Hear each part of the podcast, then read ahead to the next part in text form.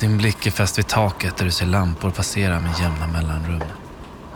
En person med mask pratar med dig samtidigt som hon skjuter på den sjukhussäng du ligger på. Undersköterskan försöker ge dig ett lugnande ansiktsuttryck men under maskan så är det bara hennes ögon du kan se. Ögonen verkar le, tänker du. Du får kämpa för varje andetag. Det blir sämre. Du skjutsas in på intensiven. Dina krafter är snart slut och det enda du kan tänka på är hur dina nära och kära kommer att reagera på ett dödsbesked. Borde du skriva något? Från att du varit skräckslagen för att bli nedsövd med respirator så känner du nu att det kanske inte är en så dum idé ändå. Du behöver en paus från kampen där varje andetag känns som ett maratonlopp. Du tar upp din mobil för att skicka ett sms till din sambo. Du skriver att det nog är bäst om du blir nedsövd. Det du inte berättar är att du stundtals tvivlar på om du kommer att överleva covid-19.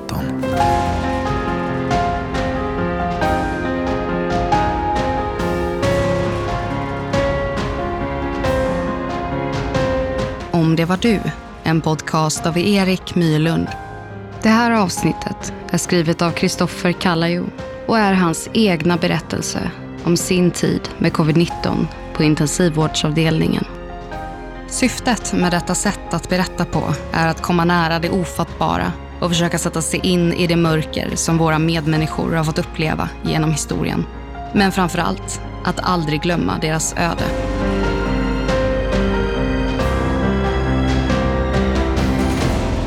Manus är sammansatt av Erik Mylund. Originalmusik och ljudläggning av Kristoffer Folin.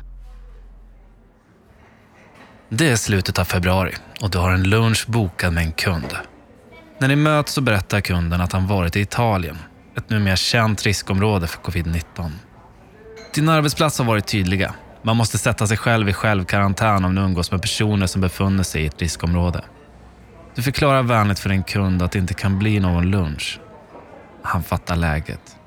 Även fast du tolkar mottagandet som att du är lite väl försiktig.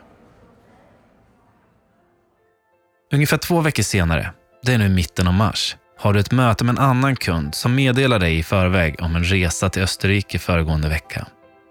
Eftersom detta vid tiden inte är ett riskområde och smittan endast verkar ha drabbat de som varit i Italien och ni dessutom är överens om att hålla avstånd under mötet så bestämmer ni er för att genomföra mötet med försiktighet. Ni håller cirka två meters avstånd, tar inte i hand, delar inte något fysiskt arbetsmaterial med varandra och är allmänt försiktiga. Du noterar att personen inte har några som helst tecken på sjukdom. Allt känns säkert. Två dagar senare är du på väg hem efter en kurs och det börjar klia lite i halsen. Så där som det ibland gör vid en begynnande förkylning. Så du tänker inte mer på det. Dagen efter när du sitter på bussen till jobbet känner du av halsen igen och du börjar fundera på om det möjligen kan vara covid. Du bestämmer dig för att gå av bussen och vänder hemåt. Lika bra att arbeta hemifrån tills du vet vad detta är, så du inte smittar någon i onödan. Du jobbar hemifrån några dagar och känner dig lätt förkyld, utan att det på något sätt hindrar dig. I vanliga fall hade du varit på jobbet med dessa symptom. Men eftersom media rapporterar om fler fall och ytterligare länder läggs till i riskzonen så tänker du att det är bäst att stanna hemma för säkerhets skull. Efter en vecka börjar du få feber och kraftig huvudvärk och det blir allt jobbigare att arbeta.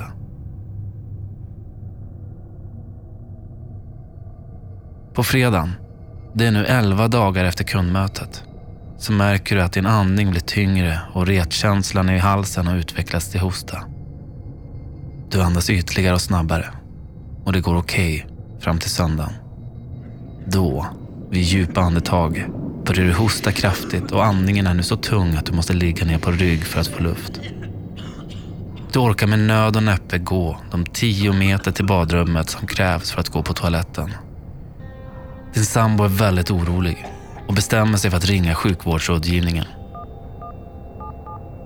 De tycker att ni ska ta er in till Sankt Görans akut som bara ligger en kilometer från där ni bor. Men ändå för långt för att du i ditt tillstånd ska orka ta dig dit gående. Ni ringer akuten som hänvisar till taxi och ni frågar om de kan hämta en covid-misstänkt. Det kan de inte och hänvisar er tillbaka till akuten och sjuktransport. Eftersom ni inte har en egen bil ringer ni 112. Du får allt sämre andning. Och de svarar att de skickar en ambulans. På vägen ringer ambulanssjukvårdarna och ställer kontrollfrågor. Bland annat om du kan andas. Du svarar att du endast kan andas om du ligger på rygg. Och att det går okej okay just nu i den ställningen men att du inte kan andas när du står eller sitter upp. De bedömer att du inte verkar vara tillräckligt sjuk för ambulanstransport. Alltså du ska vara typ blå om läpparna av Annö för att det ska vara ett ambulansfall, säger ambulanssjukvårdaren och att de inte kommer att komma trots att du försöker få dem att ändra sig. Ni ringer en vårdtjänst via en mobilapp och får bedömningen av en läkare att du behöver åka in. Sista utvägen att ringa svärmor som kommer och lämnar sin bil till er. Eftersom hon är riskgrupp på grund av ålder kan hon varken skjutsa er eller använda bilen efteråt upp till två dygn på grund av smittorisken.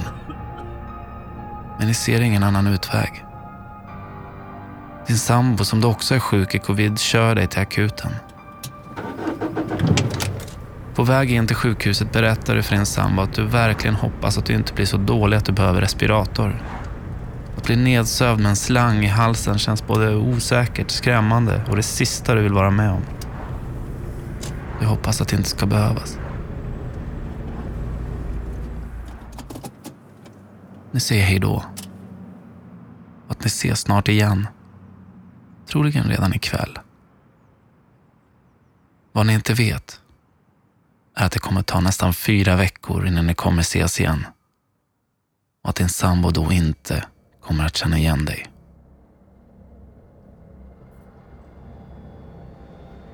Direkt efter ankomst får du syrgas och dropp och skrivs sedan in.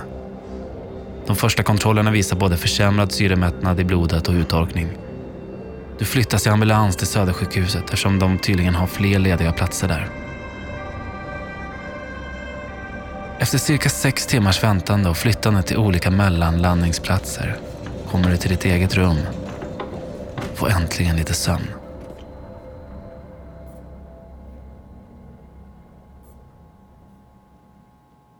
Två dagar på infektionsavdelningen går.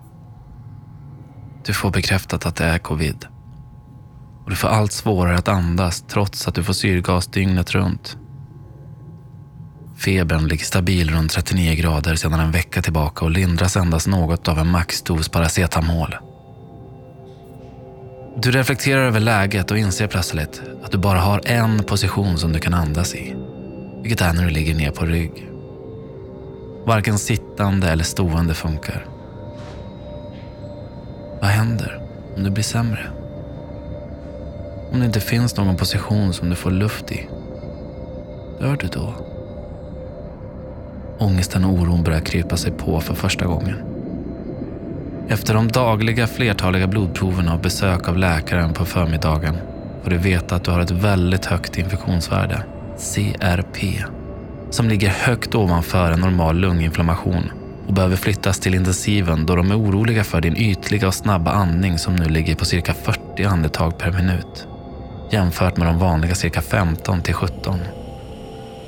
Du flyttas till intensiven. På intensiven möts du av ett helt team.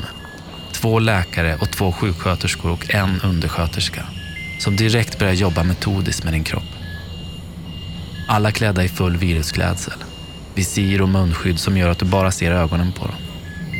En märklig känsla liknande något ur en amerikansk sjukhusserie när en patient kommer in på akuten. En sätter EKG, en annan lägger en operationsduk över armen och sätter in en artärnål i handleden. Någon sätter in en annan nål och slang i armen och någon förklarar att den är för att de ska kunna sätta in medicin snabbt. Ytterligare en person langar saker till läkarna och en sista sitter bredvid sängen och förklarar att det som görs är för att kunna övervaka dig dygnet runt samtidigt som hon håller i och klappar din hand. Läkaren som leder teamet presenterar sig och förklarar att du nu är i trygga händer och att de kommer finnas där dygnet runt och pekar på en fönsterruta två meter bortom fotändan av sängen. Där inne finns ett övervakningsrum där någon ständigt håller utsikt över rummet som du delar med två andra personer. Allt det här sker snabbt, kanske under 20 minuter. Och du själv är mest fascinerad över vilken uppmärksamhet du får och följer med nyfikenhet allt de gör. Dina vitalvärden visas nu på en skärm bredvid sängen i realtid och du får en orosfläckad känsla av trygghet. När du är uppkopplad till alla slangar och sladdar så lämnar de rummet lika snabbt som de kom. Dagen passerar med fortsatt dropp, malariamedicin och antibiotika med förklaring att de senaste två kanske hjälper. Man gör en bakterieodling för att bekräfta att antibiotikan behövs. Du får dessutom en lungröntgen som visar att du har dubbelsidig lunginflammation som kommer utvecklas till lungsvikt. Natten kommer och du sover i korta stötar men väcks kontinuerligt från larmen från dina rumsgrannars apparater och från personal som då stormar in i rummet. Du vaknar också av kraftiga hostattacker och andnöd när kroppen försöker djupandas så fort du äntligen lyckats somna. Vid förmiddagsronden dagen efter bedömer läkarna att du är så stabil att du kan flyttas tillbaka till infektionsavdelningen igen. Alla sladdar och slangar tas bort och du blir tillbakarullad till avdelningen på andra sidan sjukhuset där du började. Själv upplever du att andningen var likadan som när du flyttades till IVA och det känns nu dessutom otryggt att inte vara bevakad. Oron späs på ytterligare när du trycker på hjälpknappen vid sängen och det tar tio minuter innan någon ens tittar in i rummet och säger att någon snart kommer. Du väntar ytterligare 40 minuter innan någon kommer. Vad skulle hända om du faktiskt var i nöd? Denna gång var det bara toalettnöd som lyckligtvis kunde hållas på. Men nu är det nästa gång. Sjuksköterskan ursäktar sig och förklarar att hon har en patient i rummet bredvid som är döende och att de inte kommer hinna med alla patienter så snabbt som de önskar. Du frågar om det är en äldre person för att lugna dig själv. Unga dör väl inte av detta? Tydligen är det just den äldre som inte klarar av intensivvården och det finns tyvärr inget att göra för dem. Irritationen och oron över att de inte fått hjälp tillräckligt snabbt ersätts av empati för den bekymrade och till synes slitna sjuksköterskan. Och givetvis den för dig okända äldre personen som ligger och kämpar för sina sista andetag.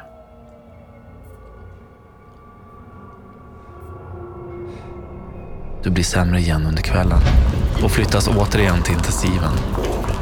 Du går igenom samma procedur som sist.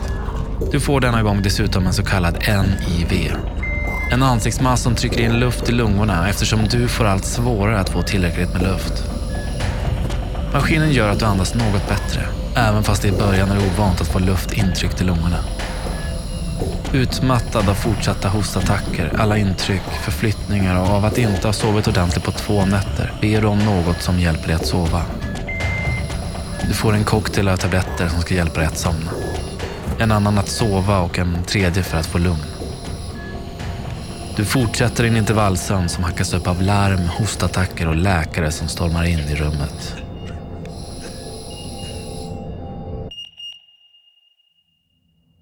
Under de två dagar du ligger på intensiven blir andningen fortsatt sämre och sämre. Läkarna säger till dig att du måste försöka ta djupa andetag, även fast det inte går. Minuterna sniglar sig fram i kämpandet och du följer sekundvisaren på den stora klockan på väggen i ett försök att få tiden att gå.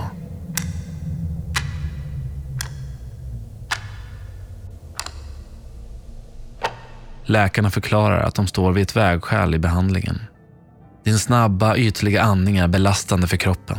Så antingen får du igång djupandningen eller så behöver de söva dig och lägga dig i en respirator.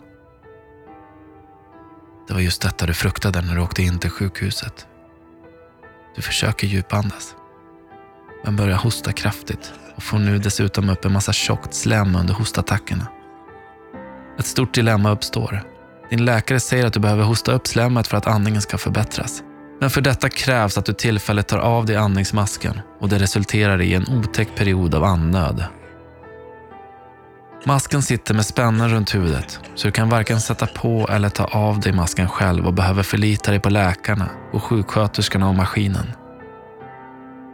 Du är rädd och tänker att personen som du inte alls känner har ditt liv i sina händer. Situationen börjar bli extremt ansträngande. I ett sms till din sambo reflekterar du över att sövning och respirator kanske inte är en sådan dålig idé trots allt. Eftersom du får kämpa för vartenda andetag samtidigt som andningen fortsätter att bli sämre. Oerhört nedbrytande. Vad du inte skriver är att du stundtals tvivlar på att du kommer överleva. Och om dina tankar och hur framförallt din sambo, din familj, dina vänner och kollegor skulle reagera vid ett dödsbesked. Det känns inte längre orealistiskt. Allt har gått så snabbt att vissa av dina vänner inte ens vet att du ligger på sjukhus. I vissa stunder växlar du mellan att börja tappa hoppet av att det någonsin kommer att bli bättre till att växla till att du ska fan kämpa dig igenom den här skiten. Den ska inte få ta dig. Och du kan inte utsätta dina nära för något sådant. Det är första gången i ditt liv du ens reflekterar över att det finns en risk att just du kan dö.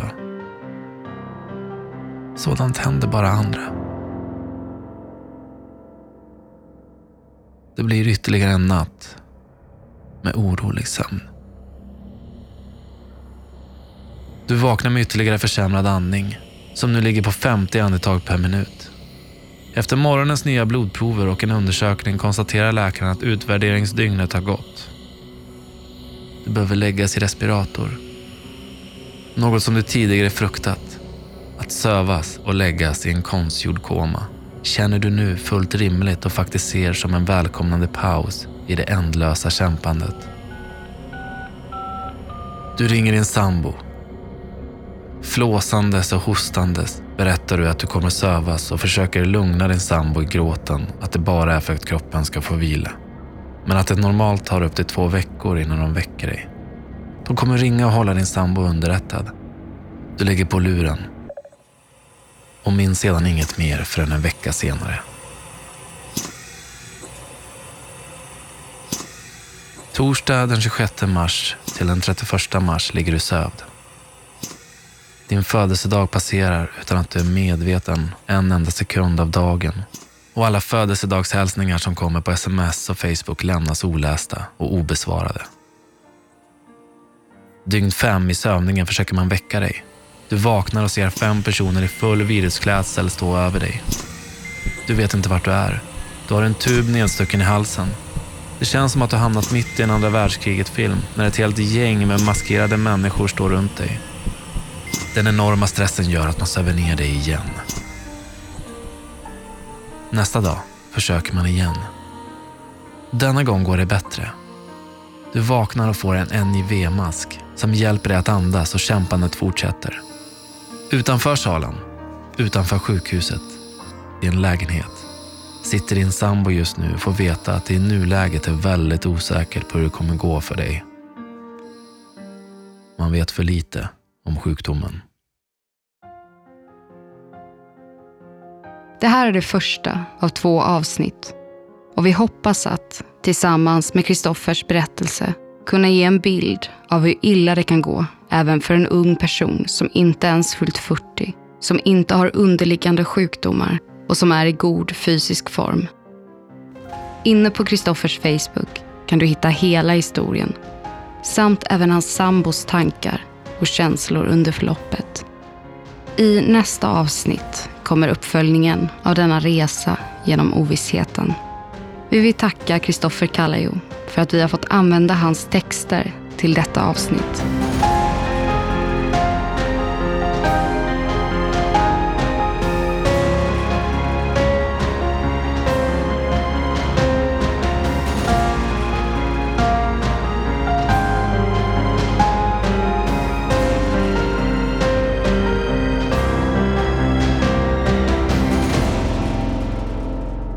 Vi blir väldigt tacksamma om du vill stötta vårt arbete med två dollar per avsnitt på patreon.com snedstreck om det var du. Eller om ditt företag vill köpa annonsering så kontakta Nent. Följ gärna om det var du på Instagram för att få senaste information om kommande avsnitt. Där kan du även tipsa oss om vilken händelse du vill kastas in i nästa gång. Produceras av I Like Radio. I like radio.